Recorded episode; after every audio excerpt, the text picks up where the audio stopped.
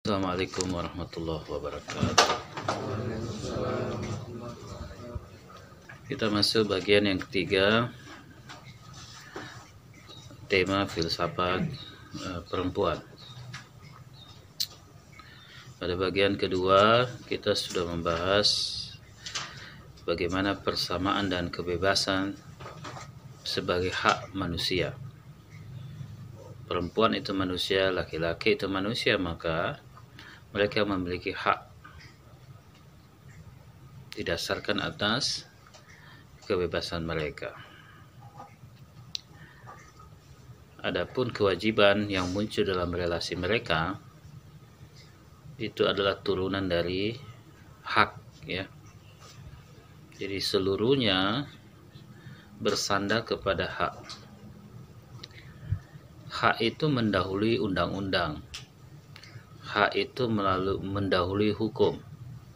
Ya. Karena itu persoalan hak itu persoalan filosofis ya. Dia didiskursuskan dia dibicarakan dia diargumentasikan. Laki-laki dan perempuan dari sisi hak sudah kita jelaskan pada bagian yang kedua. Memiliki persamaan, kebebasan itu adalah hak manusia yang sesuai dengan derajat mereka, baik laki-laki dan perempuan sebagai manusia. Yang kedua kita sudah sampai kemarin bahwa ada kondisi yang membedakan mereka. Nah, kondisi-kondisi itulah yang kemudian menciptakan perbedaan-perbedaan dalam melihat atau di dalam memandang bagaimana mereka melaksanakan uh, bagaimana mereka bisa sampai kepada uh, apa yang menjadi tujuan mereka karena kondisinya. Seperti yang terjadi dalam hubungan mereka dalam perkawinan ada persoalan reproduksi ya. Ada persoalan uh, kasih sayang ada persoalan nafkah itu telah kita bicarakan pada bagian yang kedua. Pada bagian ketiga ini sekarang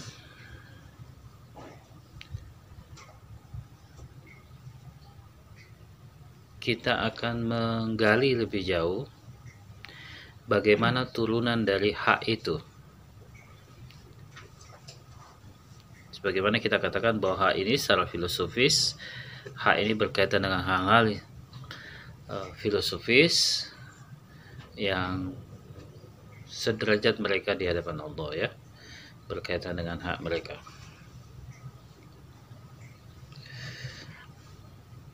Di dalam perkembangannya kita ketahui bahwa ada pergeseran dalam konsekuensi mereka menjalankan hubungan laki-laki dan perempuan itu pergeseran itu setelah kita bahas satu domestikasi ya. Domestikasi yang menggeser bagaimana kedudukan perempuan dalam rumah itu kemudian akhirnya menjebak perempuan dalam urusan-urusan yang tidak bertumpu kepada apa yang menjadi uh, tuntutan utama dia untuk mendidik, memberi kasih sayang, menggeser pada urusan-urusan rumah tangga. Sehingga mengidentikan perempuan dengan persoalan-persoalan domestik kan ya. Mengidentikan perempuan dengan persoalan domestik. Dalam pandangan dunia Islam tidak. Perempuan tidak identik dengan persoalan domestik. Laki-laki harus bersama-sama dengan perempuan dalam urusan-urusan domestik. Karena itu Islam menolak juga domestikasi jelas bahwa kita tidak menemukan sejauh ini. Sepanjang saya mengkaji sepanjang saya belajar ya menemukan bahwa tugas perempuan itu adalah urusan domestik ya. Biasanya saya katakan dalam kosmologi rumah yang dimaksud di situ dalam kosmologi adalah rumah cinta ya. Bukan di dalam rumah tapi rumah cinta di dalam jiwa. Biasanya saya bawa ke kosmologi memang imajinasi kosmologi itu akan sangat kaya uh, di dalam memberikan pemaknaan dalam relasi hubungan perempuan dalam relasi perempuan dan laki-laki. Sekarang ketika kita bahas turunannya, eh, kesederajatan itu ketika diturunkan sederajat di dalam masalah hak ya mereka jelas sederajat tidak ada yang lebih tinggi tidak ada yang lebih rendah. Baik laki-laki maupun perempuan mereka se sederajat dalam hak. Karena itu adalah filosofi yang mendasar dari kehadiran manusia. Apa itu kebebasan? Maka laki-laki punya hak perempuan punya hak. Perempuan juga berhak untuk menuntut kebebasan laki-laki juga berhak untuk menuntut ke kebebasan. Mereka punya hak yang sama. Sederajat. Karena dilihat dalam sudut pandang manusia. Nah, ketika kita masuk pada turunannya, sering kali sederajat itu diartikan dengan kesamaan. Seringkali sederajat itu diartikan keseragaman. Seringkali kesederajatan itu diartikan keidentikan.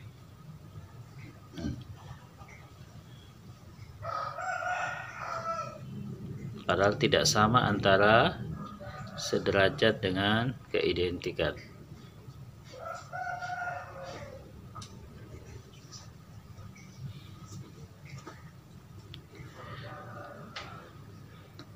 Apa yang membedakan menurut Ayatullah Said Mutahari kalau sederajat itu masalah kualitas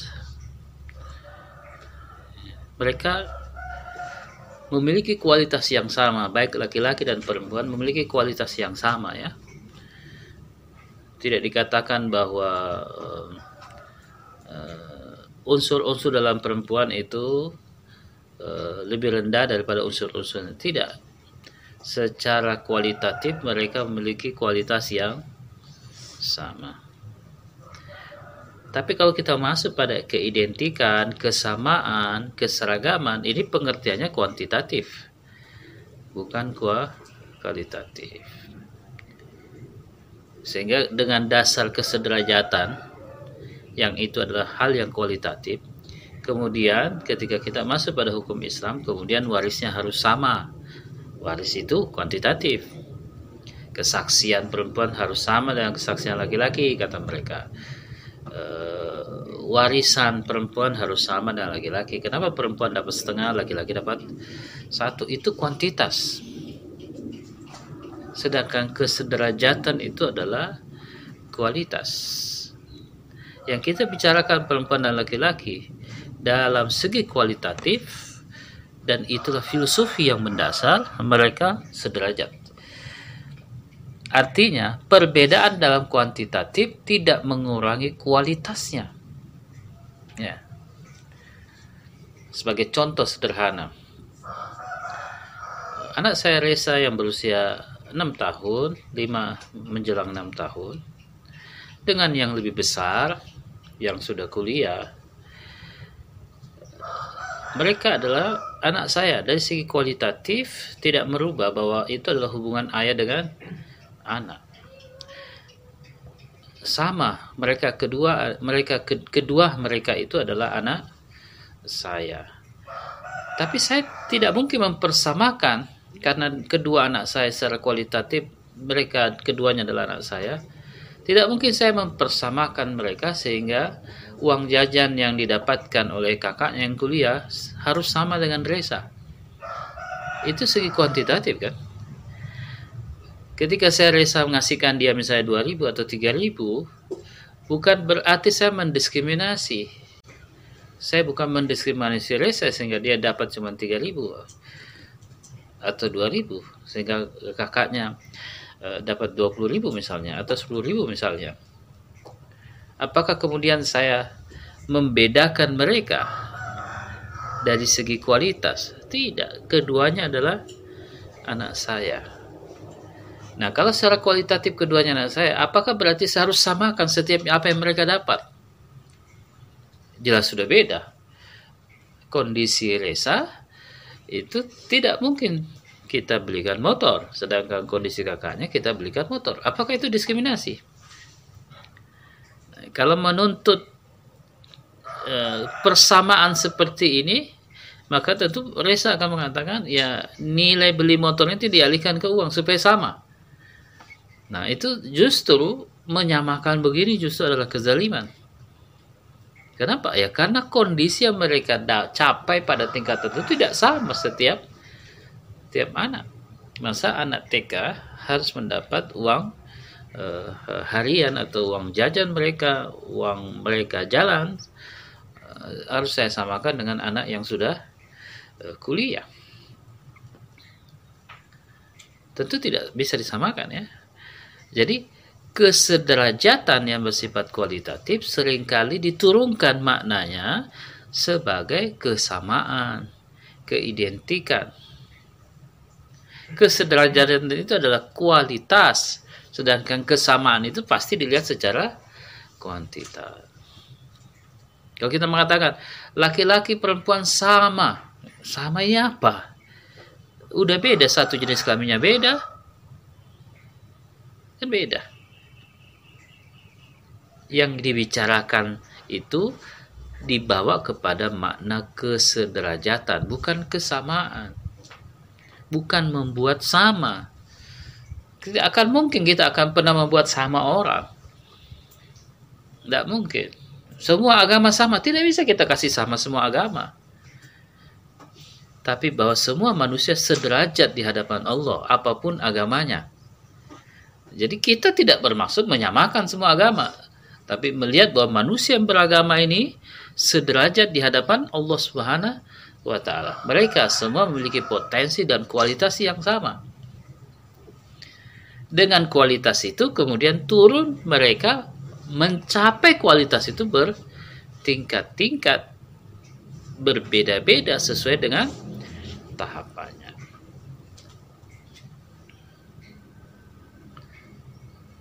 Sebagaimana ungkapan yang sangat populer dari Sayyidina Ali karamallahu Ah, kita berbeda dalam iman tapi satu dalam kemanusiaan. Kemanusiaan ini kan segi filosofis. Ya. Yang mendahului. Karena itu bersifat fitrahwi kan. Semua manusia bertemu di sini.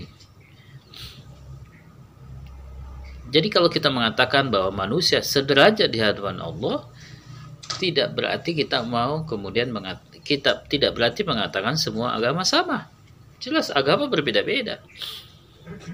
Ya. Begitu juga ketika mengatakan laki-laki dan perempuan sederajat di hadapan Allah, bukan berarti kita mau samakan laki-laki dan perempuan. Jadi memang kita harus menggali ini kata kesederajatan. Konsepnya kata sederajat itu kata itu konsepnya adalah se apa namanya kualitatif. Sedangkan kata kesamaan konsepnya itu kuantitatif. Secara kuantitatif laki-laki dan perempuan pasti berbeda-beda.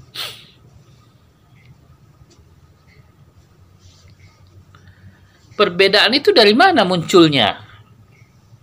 Kita akan bahas juga pada kuliah-kuliah berikutnya tentang filosofi dari perbedaan itu. Rahasia dari perbedaan itu. Nanti teorinya tentang the theory of justice. Kita harus bahas itu teori tentang keadilan dalam filsafat. Ya. Jadi kalau kita mengatakan bahwa laki-laki dan perempuan itu sederajat, bukan menyamakan kata sederajat konsepnya kualitatif, kata persamaan, kata kesamaan, kata identik itu konsepnya kuantitatif. Perbedaan kuantitatif tidak pernah bisa merubah yang kualitatif karena dia berada di puncak kan, tidak ada yang bisa merubah. Perbedaan agama tidak pernah bisa merubah secara kualitatif bahwa semua mereka memiliki kedudukan di sisi Allah Subhanahu wa taala. Tidak ada yang bisa rubah itu. Kedudukan itu berdasarkan filosofi mereka yang memiliki kebebasan sehingga mereka memilih agamanya didasarkan atas filosofi itu kan kebebasan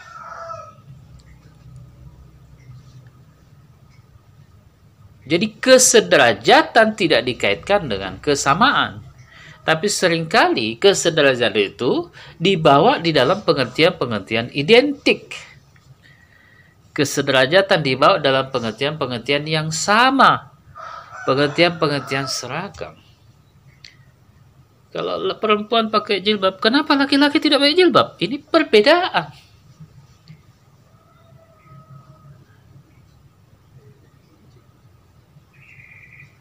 Tapi bahwa perempuan tidak mau pakai jilbab itu hak. Hukum memberikan bahwa perempuan muslimah itu yang ketika dia sudah balik wajib menutup auratnya. Di dalam bahasa umum kita sebut dia menggunakan jilbab atau menggunakan hijab sedangkan perempuan tidak. Kita mengatakan, kenapa dibedakan? Dibedakan itu berkaitan dengan hukum. Berkaitan dengan hak.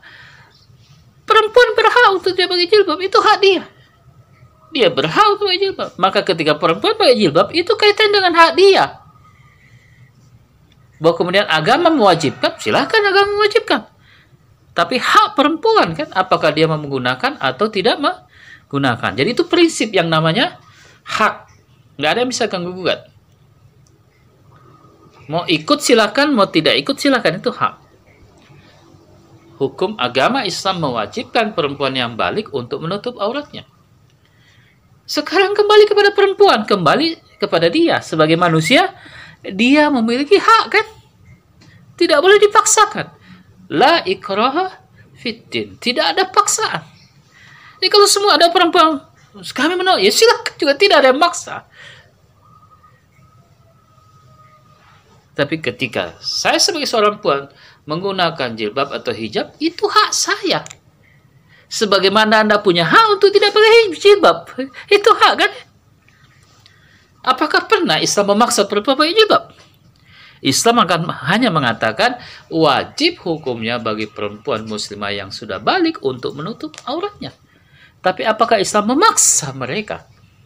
Tidak bisa, mereka punya hak. Kembali kepada hak. Lantas mungkin pertanyaan kita, lantas kenapa perempuan supaya jilbab? Laki-laki tidak bisa. Nah, berarti kita bicara dalam segi peletakan yang berbeda. Tapi dari segi hak, Perempuan berhak untuk menggunakannya dan perempuan berhak hak untuk tidak menggunakan. Itu hak dia. Kita nggak bisa maksa.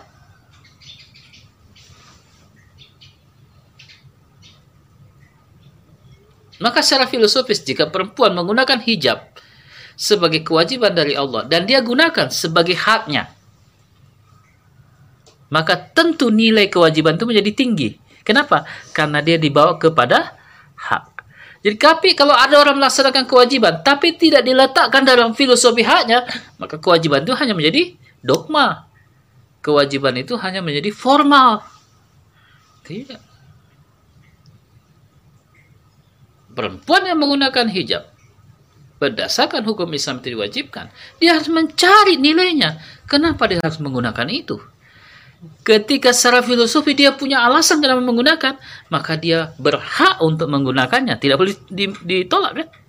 Sebagaimana ada orang yang berhak untuk tidak menggunakannya, maka hal yang sama ada orang yang berhak juga untuk menggunakannya. Anda tidak boleh memaksa orang untuk membukanya dan Anda tidak boleh memaksa juga orang untuk menutupnya. Sama posisinya. Bisa dimengerti? Itu filosofi dari hak. Adapun perbedaan itu dari sisi kewajiban, dari sisi relasi, ya kembali kepada masing-masing, kembali kepada kita. Mereka tidak pernah dipaksa untuk masuk Islam. Orang harus menerima Islam ini dengan akal. Maka disebut dia masuk pada fase akil balik. Artinya kita melaksanakan agama ini ketika kita sudah berakal. Tapi sering kali pertanyaannya muncul adalah kita beragama itu sejak awal sudah pakai akal atau tidak? Jangan-jangan karena disuruh bapaknya, disuruh mamanya, disuruh guru ngajinya, dan macam-macam. disuruh-suruh tapi dia tidak memahaminya. Maka sangat fundamental orang menjalani sesuatu berdasarkan apa yang mereka fahami. Itu hukum yang sampai pada prinsip akal.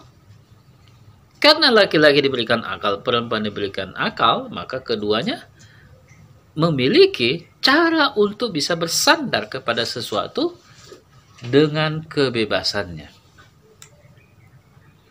Saya kira itu yang harus kita beri ruang yang jelas antara kesederajatan dengan keidentikan.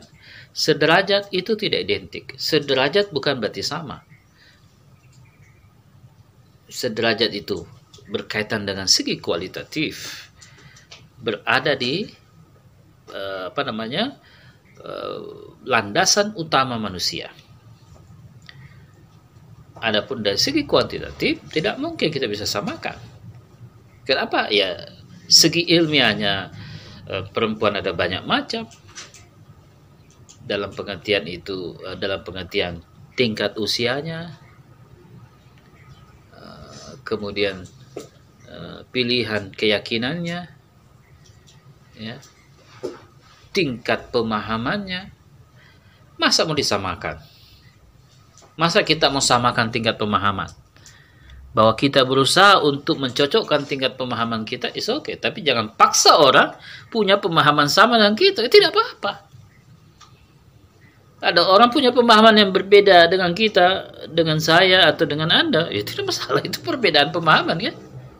Orang punya hak untuk memilih keyakinannya. Orang punya hak untuk apa pun itu. Nah, hal yang sama pada perempuan, dia punya hak.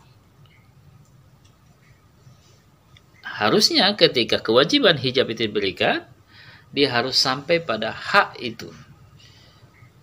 Maka ketika dia menggunakan, harusnya secara teori apa yang menjadi kewajiban itu sudah diterima dengan keyakinannya dan dia berhak untuk menggunakan hijab itu. Hal yang berbeda ada orang yang tidak meyakini karena itu dia berhak untuk tidak menggunakannya. Sama kan? Sama-sama punya hak. Apakah ada diskriminasi? Tidak. Allah mewajibkan syariatnya, hukumnya mewajibkannya, tapi bukan memaksakannya. Bagaimana kita bisa sampai kepada kewajiban itu? Ya kita harus paham kan? Anda diwajibkan sholat, Anda tidak dipaksa sholat. Tapi Anda harus paham mengapa kita diwajibkan. Apa dasarnya kita harus melaksanakan kewajiban agama ini? Kan harus kita paham. Kalau kita sudah paham dan itu masuk akal, maka kita punya hak untuk melakukan sholat. Itu hak kita. Maka semuanya secara filosofis bersimpul kepada hak. Dan hak ini tidak dibedakan laki-laki dan perempuan. Itu saya kira diskusi yang uh, uh, sering kali secara profesional tidak didudukkan antara kesederajatan dengan kesamaan dengan posisi seperti yang kita jelaskan tadi.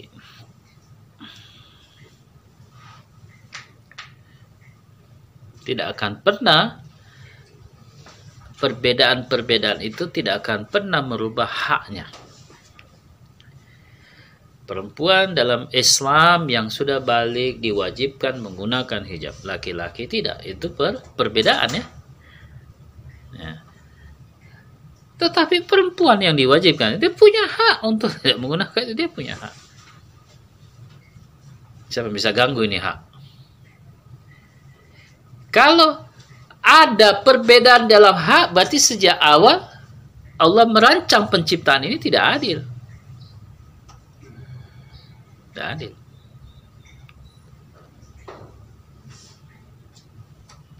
Dari konsekuensi ini kita bisa menguji setiap stereotip-stereotip atau pandangan-pandangan yang bias.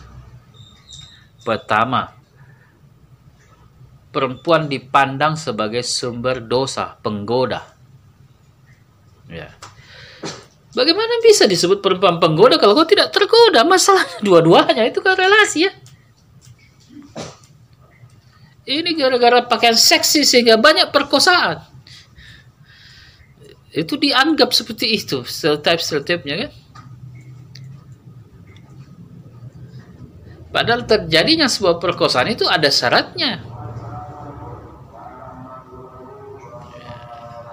Nah, dia bisa mengkondisikan kita. Bisa mengkondisikan kita untuk melakukan sesuatu. Tapi kita punya pemahaman, alasan mengapa kita mau melakukan itu kan? Jadi tetap saja ada faktor kondisi yang berbeda-beda, tapi tetap ada satu standar pada eh, pemikiran kita secara filosofis bahwa kita ini punya posisi yang menentukan kita mau menjadi apa. Kita diberi kebebasan. Yang menjadi permasalahan dan perbincangan yang paling berkembang menjadi kontroversi adalah masalah-masalah keidentitan, masalah-masalah kesamaan, ya. Turunannya yang diramaikan. Kenapa perempuan pakai hijab dalam Islam, laki-laki tidak? Kenapa dibedakan begitu? Padahal kita sederajat di hadapan Allah. Ya. Padahal perbedaan dalam segi kuantitatif seperti itu tidak pernah merubah kesederajatan. Apa? Perempuan berhak untuk menggunakannya.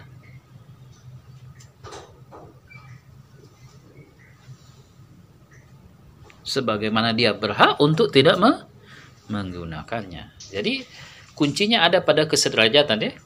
Adapun perbedaan silahkan dinilai.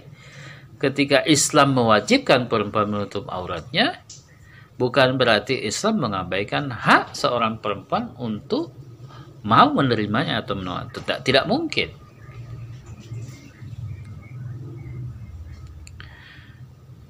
Nah, deviasinya sumber-sumber problemnya itu pada me menyamakan antara sederajat dengan persamaan.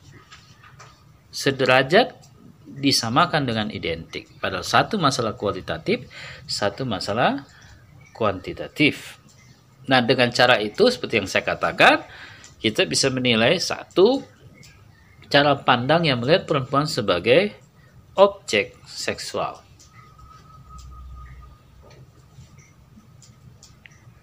Ada orang yang memandang perempuan itu dalam perkawinan hanya untuk tempat melahirkan anak saja ya. Cara pandang perempuan sebagai sumber dosa sebagai penggoda. Ya.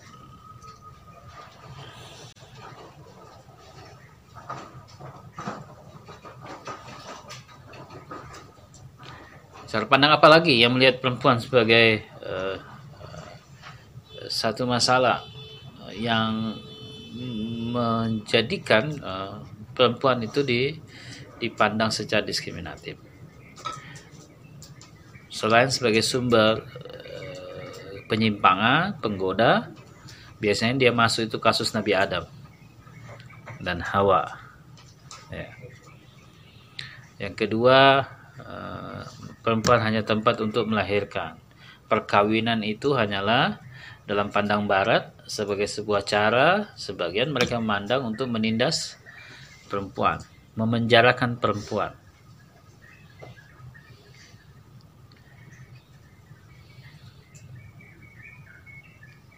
Semua itu kita bisa menganalisis penyimpangan-penyimpangan cara pandang ini.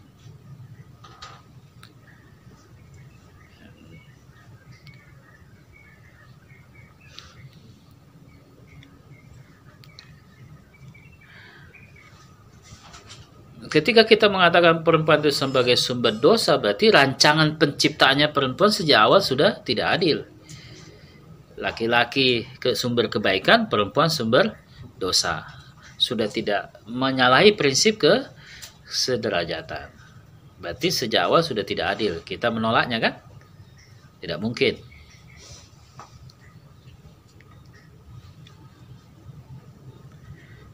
Kemudian mengatakan perempuan eh, uh, hanya menjadi uh, tempat untuk uh, melanjutkan keturunan. Mereka hanya digunakan untuk melahirkan uh, manusia atau melanjutkan generasi saja. Padahal fungsi utama mereka bukan itu. Siapa yang bilang bahwa fungsi utama seorang perempuan itu melahirkan?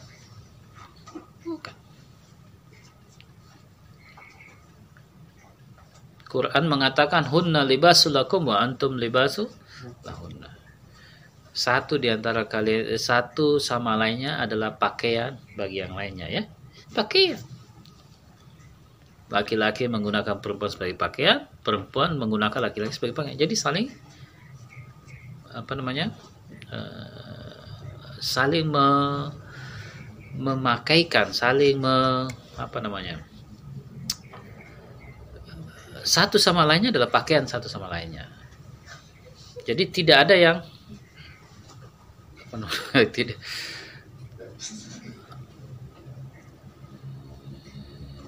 Artinya keduanya itu saling membutuhkan kira-kira begitu ya. Keduanya itu saling membutuhkan. Tidak ada cara pandang bahwa perempuan itu dirancang untuk memenuhi kebutuhan laki-laki. Sementara banyak orang menjadikan perempuan itu sebagai sarana untuk memenuhi kebutuhan laki-laki kan?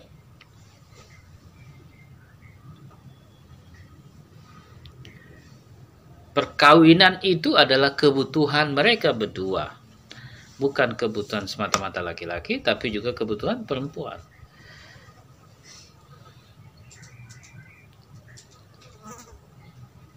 Tapi saya kira masih ada kesan atau cara pandang disadari ataupun tidak yang menganggap perempuan itu memang diciptakan untuk melayani kebutuhan laki-laki.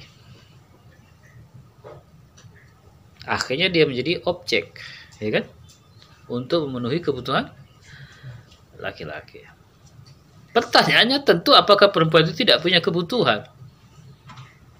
Jadi terlalu mudah untuk dibantah ya. Yang kedua, prinsip penciptaan mereka yang sama-sama memiliki hak. Kalau laki-laki merasa memiliki hak terhadap perempuan, apakah perempuan tidak merasa memiliki hak terhadap laki-laki? Dia juga berhak dong. Ini tubuh saya. Kalau mau kau gunakan sebagai sejak kapan kamu punya hak atas tubuh saya? Perkawinan itu bukan penguasaan tubuh perempuan oleh laki-laki. Sehingga kita baca hijab, uh, hijab wastukan nafs. Saya nikahkan di sini. Alhamdulillah laki-lakinya bilang, Alhamdulillah sejak saat ini saya sudah miliki tubuhnya. Kan tidak seperti itu dirancang perkawinan itu untuk melegalisasi penguasaan tubuh perkawinan itu dalam pandangan usia Islam itu adalah nafs. Yang dinikahkan adalah jiwanya. Sedangkan tubuh itu tubuhnya dia. Laki-laki itu tubuh laki-laki. Yang mau dinikahkan itu zawaz tukan nafs. Saya nikahkan jiwa saya kata perempuan. Jiwanya bukan menikahkan tubuhnya. Secara filosofi kita memandang bahwa mereka bukan menyerahkan tubuhnya, tubuhnya tubuhnya. Kalau mereka capek, Anda tidak bisa maksa. Itu tubuh dia. Jelas mungkin secara kata-kata kata-kata itu mungkin kontroversi, tapi memang bisa jadi eh, secara substantif bisa jadi ada orang suami memperkosa istrinya walaupun kata-kata itu mungkin tidak terlalu tepat usianya capek usianya tidak mau dia paksa. Dosa kok nanti. Gitu.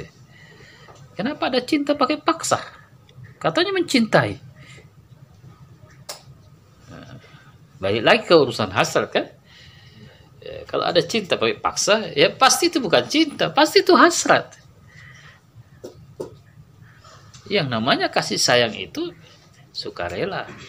Nah perkawinan itu asasnya bukan paksaan, bukan penguasaan tubuh. Maka cara pandang yang melihat perempuan sebagai uh, diciptakan untuk melayani kebutuhan laki-laki, dari mana itu cara pandang itu muncul?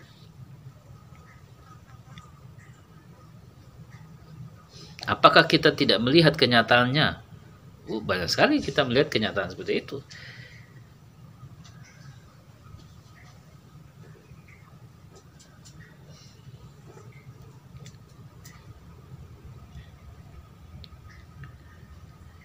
Maka pergeseran-pergeseran itulah yang menyebabkan munculnya diskriminasi. Yang secara hakiki jelas mereka punya hak yang sama, tapi ketika diturunkan pada persamaan, keidentikan, ini yang kemudian menggeser, yang menjadikan terjadi pemaksaan, terjadi diskriminasi. Karena kita tidak mungkin paksa menjadi sama. Sebagaimana sebagaimana kita tidak mungkin kita paksa untuk berbeda Kenapa? Karena di alam ini memang ada tingkatan dan pencapaian yang berbeda-beda. Ada hukum yang diberikan juga sesuai juga dengan tingkat pemahaman orang. Itu masalah alam kan? Tapi prinsipnya sama. Maka kita melihat pandangan dunia Islam ini pada sisi status eksistensi perempuan dengan laki-laki sederajat. Adapun hukum Islam yang memberikan perlakuan yang berbeda-beda itu tidak pernah merubah status perempuan itu dengan laki-laki yang memiliki hak yang sama. Maka persoalannya muncul pada perlakuan yang berbeda-beda. Perlakuan Islam yang berbeda-beda dalam terkait dengan perempuan. Misalnya perbedaan dalam masalah warisan, perbedaan di dalam masalah uh, kesaksian,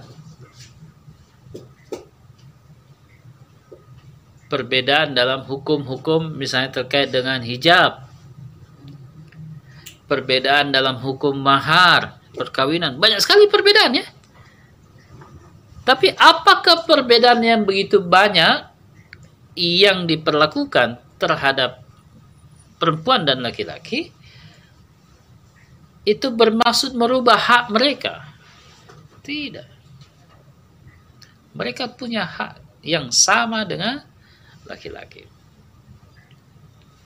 Sebagai contoh,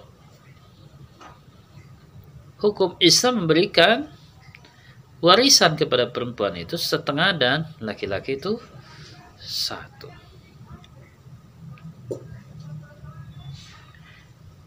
Sekarang bagaimana perbedaan itu harus dilihat dalam segi hak.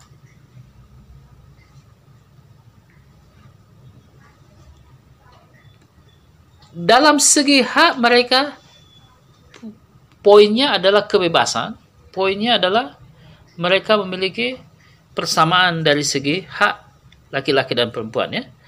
Bukan persamaan dari segi yang ada di alam, tapi dari segi filosofis secara kualitatif, bukan kuat kuantitatif yang kita maksudkan.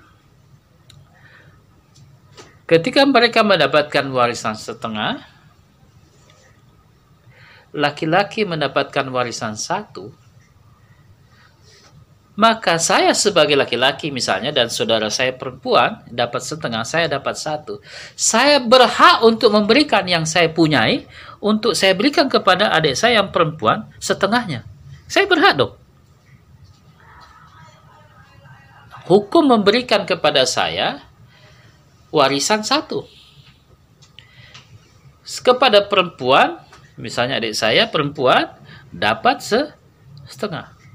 Nah, ketika sudah dimiliki itu, maka saya sebagai laki-laki yang sudah memiliki warisan satu, saya berhak untuk membagi kepada saya perempuan supaya sama. Apakah bertentangan? Tidak. Kewajibannya tetap saya dapat satu, adik saya dapat setengah. Setelah saya miliki satu, setelah adik saya perempuan dapat setengah, saya berhak membagi yang saya punya kepada adik saya perempuan. Bisa dimengerti?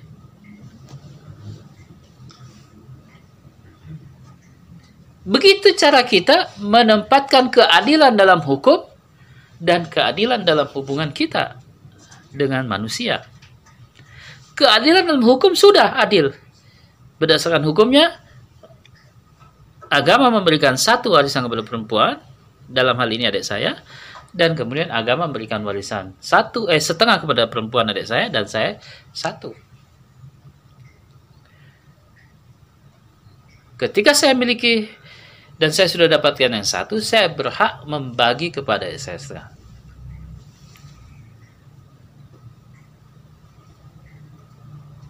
Bisa dimengerti? Bagaimana kita mengaitkan antara sisi perbedaan dengan sisi hak yang sama di hadapan Allah Subhanahu wa taala.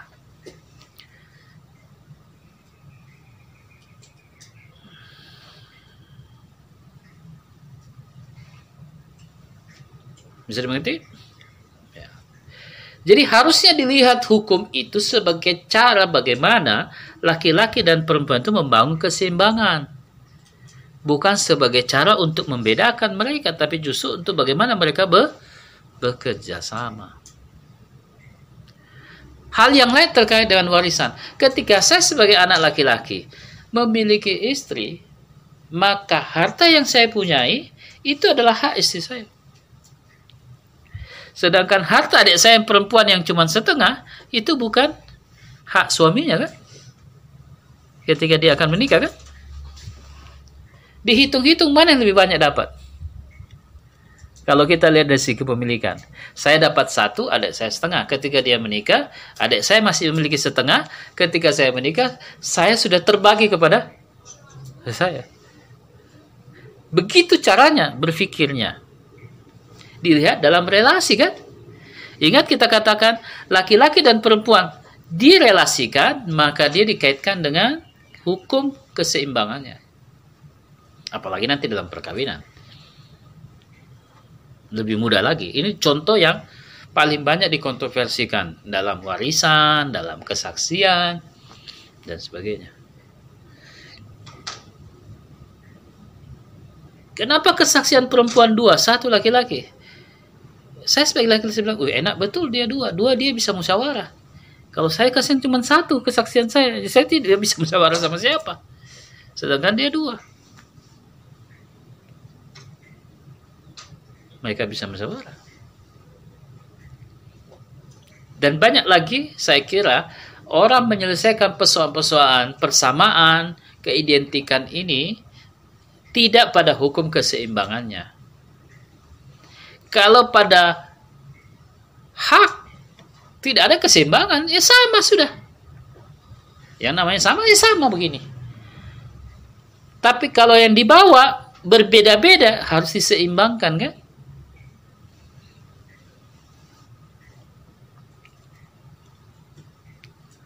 Oleh karena itu, secara filosofis yang harus kita lakukan dari deviasi penyimpangan yang kita tahu berada di bawah ya dalam menyelesaikan perbedaan-perbedaannya. Dan perbedaan-perbedaan itu tidak pernah bisa merubah kesederajatan dia dengan Allah.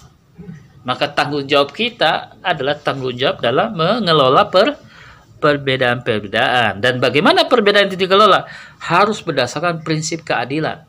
Keadilannya apa? Laki-laki punya hak, perempuan punya hak. Kuncinya itu. Ketika perempuan diberi kewajiban untuk menutup auratnya, dia punya hak. Apakah dia ingin menutupnya atau tidak, itu adalah hak dia. Kira-kira begitu ilustrasinya. Maka secara filosofis kita harus menentukan dengan tepat bagaimanakah konsekuensi yang semestinya dari membangun e, kesamaan-kesamaan di dalam perbedaan-perbedaan itu. Caranya seperti yang saya lakukan. Ketika ada saya dapat setengah, saya dapat satu, maka saya berhak apa yang saya dapat ini saya berikan kepada saya. Tidak ada bisa ganggu kan? Islam datang membedakannya, hukumnya dia bedakan perempuan setengah saya dapat satu. Karena cara pandang Islam perempuan itu nanti ketika dia menikah itu yang setengah tidak pernah hilang tetap menjadi haknya. Sedangkan saya ketika saya menikah itu kemudian bisa. Jadi memang kita harus menentukan dengan tepat bagaimana kita mengelola perbedaan-perbedaan itu sehingga mencapai keseimbangan. Apakah perbedaan itu berarti harus sebanding haknya? Hak dalam pengertian uh, warisan misalnya.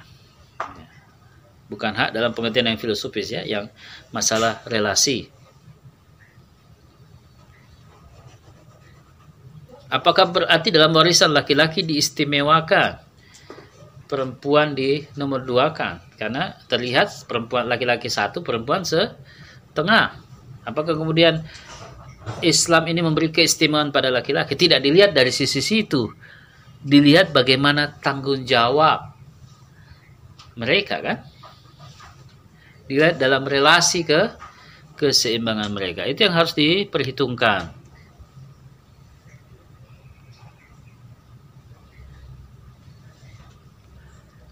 Jadi keseimbangan itu bukan berarti menyamakan. Kita memberi keseimbangan bagaimana perbedaan-perbedaan itu bisa hidup ber, bersama. Nah, caranya itu dilihat dalam sisi keadilan.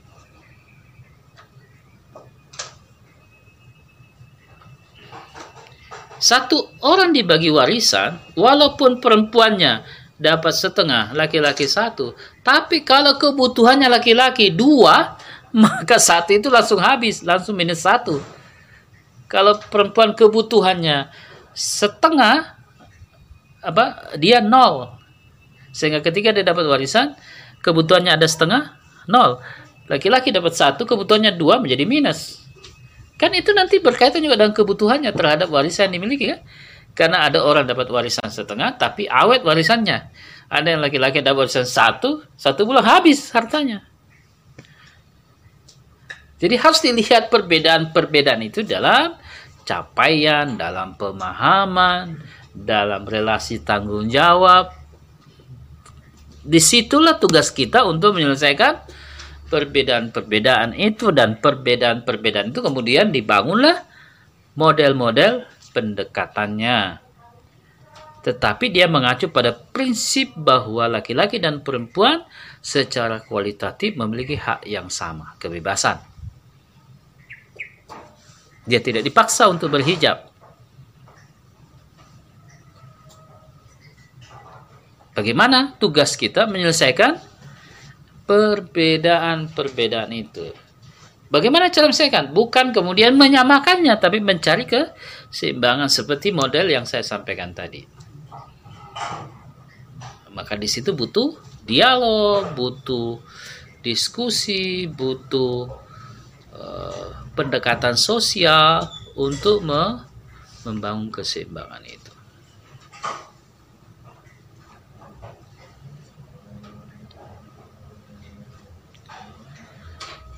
Kualitas berbeda dengan kuantitas.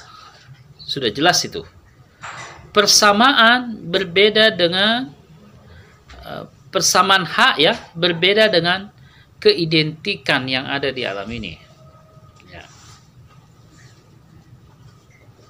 Islam tidak memandang serupa hak perempuan dan hak laki-laki dalam kehidupan alam ya.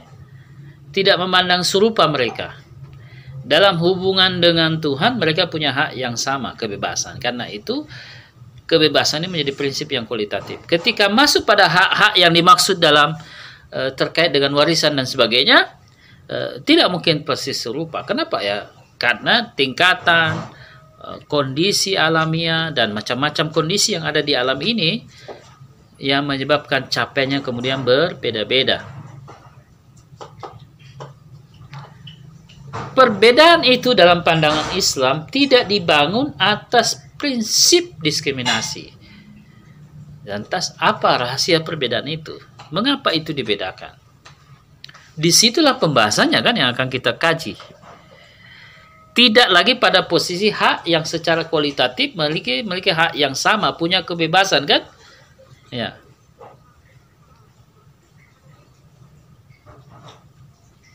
Deviasi penyimpangan perdebatannya konstruksinya muncul ketika berkaitan dengan apa yang ada diterima di alam ini perlakuan yang berbeda-beda di alam ini. Di situlah tugas kita, perlakuan yang berbeda-beda ini kita bangun, kita konstruksi agar itu bisa membangun keadilan.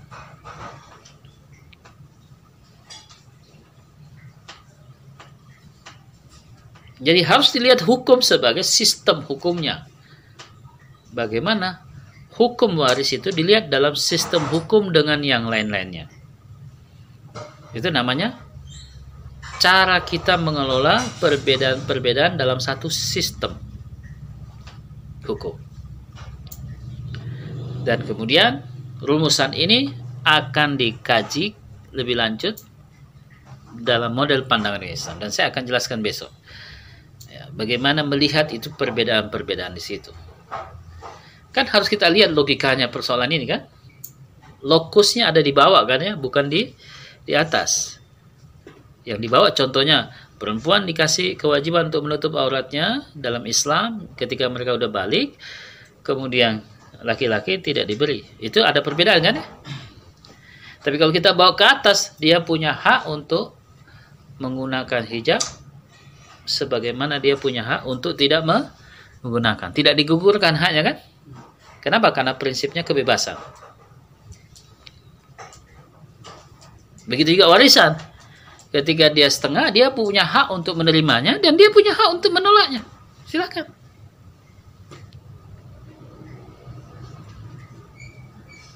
Tapi ke mana? Saya menuntut yang sama. Ya itu haknya dia. Munculnya persoalan ketika perbedaan mau dituntut menjadi sama. Ini yang akan kita lihat logikanya. Bisa ditemukan di mana simpul persoalannya? Karakteristik penciptaan ini disediakan dalam kerangka pandangan dunia Islam memiliki hak yang sama. Kemudian ada perbedaan perlakuan Islam terhadap laki-laki perempuan. Inilah yang kemudian memunculkan potensi-potensi konflik Inilah yang memunculkan kerawanan-kerawanan, inilah yang memunculkan potensi diskriminasi terhadap perempuan. Dari sini kan? Lihat, akar-akar diskriminasinya kita sudah bahas sebelumnya. Cara pandang, kemudian kul kultur. Nah, sekarang kita fokusnya kepada cara pandang karena budaya itu dibangun dari proses atau dari produk sistem ber, berpikir. Kita dapatkan satu kesimpulan bahwa kerangka diskriminasi, kerangka eksploitasi terhadap perempuan dilihat di alam ini dalam memandang perbedaan-perbedaan perlakuan terhadap perempuan dan laki-laki tetapi apa pun perbedaan-perbedaan itu dalam cara pandang struktur yang di atasnya, yang fundamen itu, mereka punya hak yang sama. Maka semua yang mereka pandang tidak adil, mereka punya hak. Silakan dia punya hak. Boleh ikut, boleh tidak ikut, itu haknya kan? Ada klaim bahwa Islam yang paling benar, Klaim itu kemudian kita berhak untuk mengikuti klaim itu berdasarkan pemahaman kita dan kita bisa menolak klaim itu berdasarkan pemahaman kita. Dari pemahaman itulah kita punya hak apakah kita mau ikut atau tidak ikut. Mau ikut, mau tidak ikut. La ikraha fi Itu strukturnya ya. Yang bermasalah ketika kita yang sudah mengambil hak untuk beragama, kemudian kita paksakan kepada orang yang tidak mengambil. Itu kan. Di situlah muncul per persoalan diskriminasi. Jadi diskriminasi bukan rancangan sistem alam. Diskriminasi bukan kerangka pandangan dunia Islam. Diskriminasi muncul itu sebagai masalah yang yang muncul dalam hubungan kita dengan yang lainnya kan. Nah, potensinya memang terjadi dalam cara memandang paling banyak dalam memandang hukum. Islam tentang pe perempuan. Karena ini berkaitan dengan pandangan dunia Islam kan? Berkaitan dengan syariat, berkaitan dengan hukum, berkaitan lagi lebih spesifik ke dalam fikih. Di situlah lokusnya. Nah kalau hukum berarti dia persoalan-persoalan lahiriah. Tapi sisi batinnya sudah jelas. Mereka punya hak yang sama.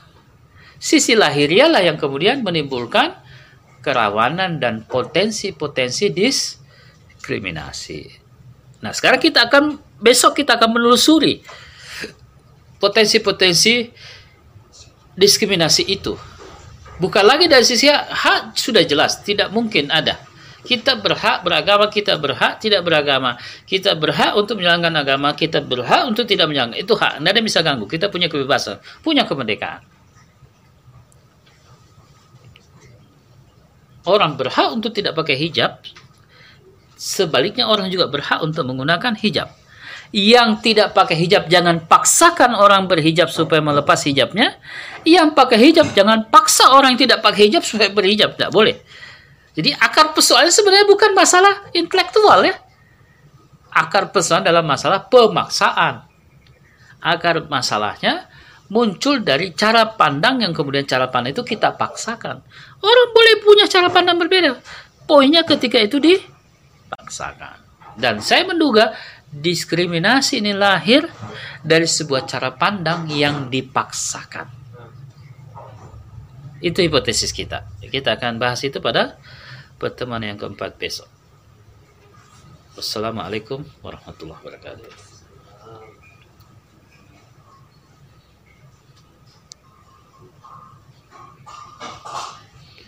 Silakan kalau ada pertanyaan. Ya. yang harus tangkap ini kan di sini mau ditarik bahwa pengen dimasukkan dalam teori persepsi antara saya dengan syariat yang aku tangkap dalam pelajaran pertama itu diantarkan penjelasan bahwa memasuki khususnya pada perempuan dan kedua itu bisa dijelaskan untuk berlandaskan pada pada filsafat tunanya landasan ilmiahnya dijelaskan yang aku tangkap sekarang ini bahwa Ya. bahwa hak dalam hak ini tidak bisa dilarang ataupun untuk menemukan keseimbangan di antara keduanya. Tapi Ya. yang aku tanyakan bahwa keseimbangan yang dalam bentuk, bentuk keduanya ini adalah landasan utama manusia yaitu tadi kan bunga cinta waktu dalam hati. Nah, pertanyaan harusnya keseimbangan bila keseimbangan itu sudah ditemukan dari antara kedua dalam jiwanya, tapi landasan untuk ketemu pada realitasnya seperti apa? Ustaz? Teorinya keadilan. Iya. Apakah hukum ini adil apa tidak? Nah, kita harus lihat cara pandang adil. Seperti yang saya pakai contoh Reza dengan hari kakaknya. Apakah saya harus perlakukan sama? Jumlah uang jajannya harus sama? Itu kan berkaitan dengan keadilan. Bagaimana kita membangun keseimbangan itu? Prinsipnya adalah keadilan. Semua harus ditetapkan berdasarkan keadilan. Ada orang menggunakan hukum tapi tidak adil. Zalim itu. Hukumnya, dia istri saya. Sah. Karena sah, kemudian apa pun kita bisa paksakan karena sah. Tidak boleh dong. Tetap harus adil. Ada relasi kan? Ya itu istrimu, tapi jangan dipaksa. Sah. Siapa yang tidak melayani eh, kebutuhan suaminya, maka dia ditempatkan di neraka yang paling ujung. Ya kalau istrinya sakit, masa mau dipaksa dengan dalil ini? Jadi sering kali orang menggunakan dalil tidak objektif. Itu kan akar masalahnya. Cara pandang, kemudian cara pandang itu dipaksa. Iya bang, bahwa kalau saya tidak melayani saya berdosa. Tapi bagaimana kalau saya capek, saya sakit? Apakah tidak menimbulkan kezaliman pada diri saya? Saya nanti jadi terpaksa. Bukankah sesuatu yang dijalankan terpaksa itu tidak baik? Padahal relasi ini harus dibangun dengan kasih sayang. Kasih sayang itu jangan pakai maksa. Hasrat namanya kan? Katanya dengan cinta. Oh itu dulu deh. Itu, itu awal. Ketika saya sudah memiliki sudah lupa itu. Kamu kan milik saya. Jadi ada menjadikan perempuan jadi kepemilikan, ya kan? Kepemilikan. dia jual itu anaknya ketika menikah uang maharnya berapa itu diambil bapaknya uang maharnya Padahal itu haknya perempuan ya begitu dapat mahar 100 juta ini pakai 50 untuk pesta 50 buat bapak saya capek besarkan kok berapa uang saya keluarkan kan ada saya kira begitu kan ya jadi panai ini rawan uang panai ini rawan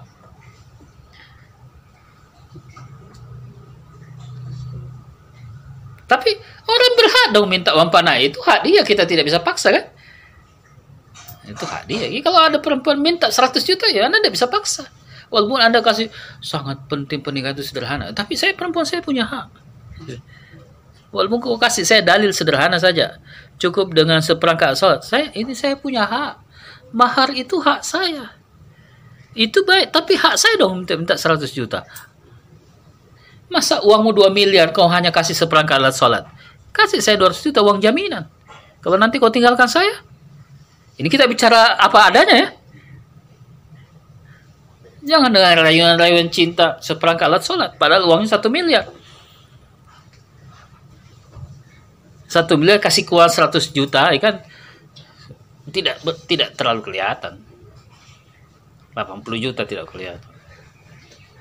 Itu haknya dia. Kita nggak bisa apa-apa. Hak perempuan meminta mahar. Kalau dia minta 200 juta, haknya dia. Kalau laki-laki tidak mau, haknya dia untuk tidak mau. Ya silakan. Ini kita bicara hak. Ini kejam memang di hak. Nah, kalau kita bicara keseimbangan di bawah, bagaimana kita menyelesaikan ini? Nah, di situlah problem kita kan? Tapi hak kita tidak bisa ganggu, hak dia.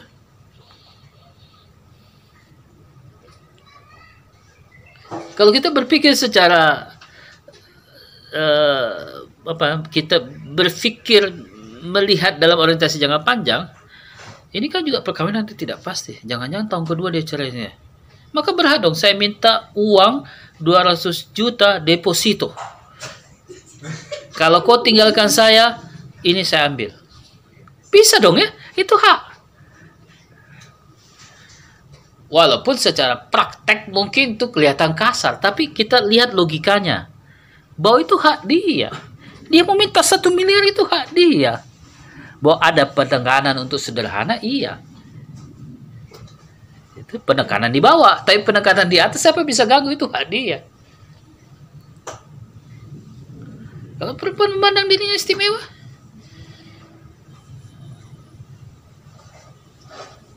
Itu contoh material. Bisa kita nanti ukur non material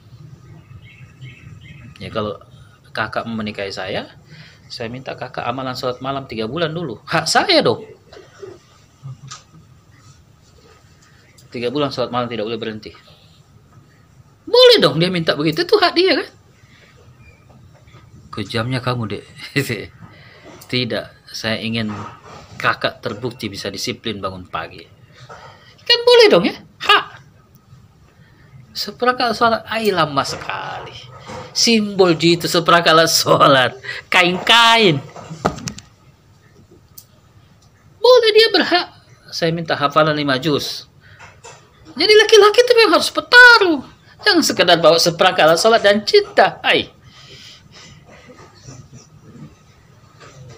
Ini kejam ya, kita bicara logikanya. Logikanya memang struktur, dan struktur itu memang begitu. Apa adanya. Nah, di alam tentu kita tidak bisa maksa begitu. Kita harus bicarakan. Gimana kak kalau kita uh, sholat malam dulu 40 hari. Jadi kita kan akan menikah setahun lagi. Jadi tiga bulan sebelum eh, datang kakak melamar saya sudah selesai sholat malamnya tiga, tiga bulan betul-betul terus kasih makan orang miskin jam ya itu. Nah, gimana? Dia didiskusikan. Nah di diskusi itulah potensi keseimbangan harus dibangun. Kalau kita berpikir kritis apa namanya paradigmatiknya ya seperti itu sih lo clear. Hak tidak ada yang bisa ganggu. Dari sisi hak ya perempuan bisa minta uang panah itu hak dia. Kalau dikaitkan dengan mahar ya dan sebagainya jadi saya kira memang problemnya adalah bagaimana kita mengelola perlakuan-perlakuan yang berbeda ini membangun sistem keseimbangannya satu kita punya hak, tapi hak kita tidak boleh kita paksakan kepada orang lain karena orang lain juga punya hak. Mari kita dudukan hak kita sama-sama, tapi jangan dipaksakan ke orang lain. Ketika ada hukum perlakuan yang berbeda, Anda punya hak untuk melaksanakan hukum itu, Anda punya hak untuk menolaknya. Tapi jangan paksakan. Karena dalam relasi yang harus terjadi adalah kasih sayang. Jadi saya kira di sini uh, akar-akar diskriminasinya. Dan kalau kita lihat kecenderungannya, sebagaimana pertanyaan kita di sesi awal kemarin, kenapa perempuan ini cenderung lebih banyak mengalami diskriminasi? Kita akan gali itu besok. Assalamualaikum warahmatullahi wabarakatuh.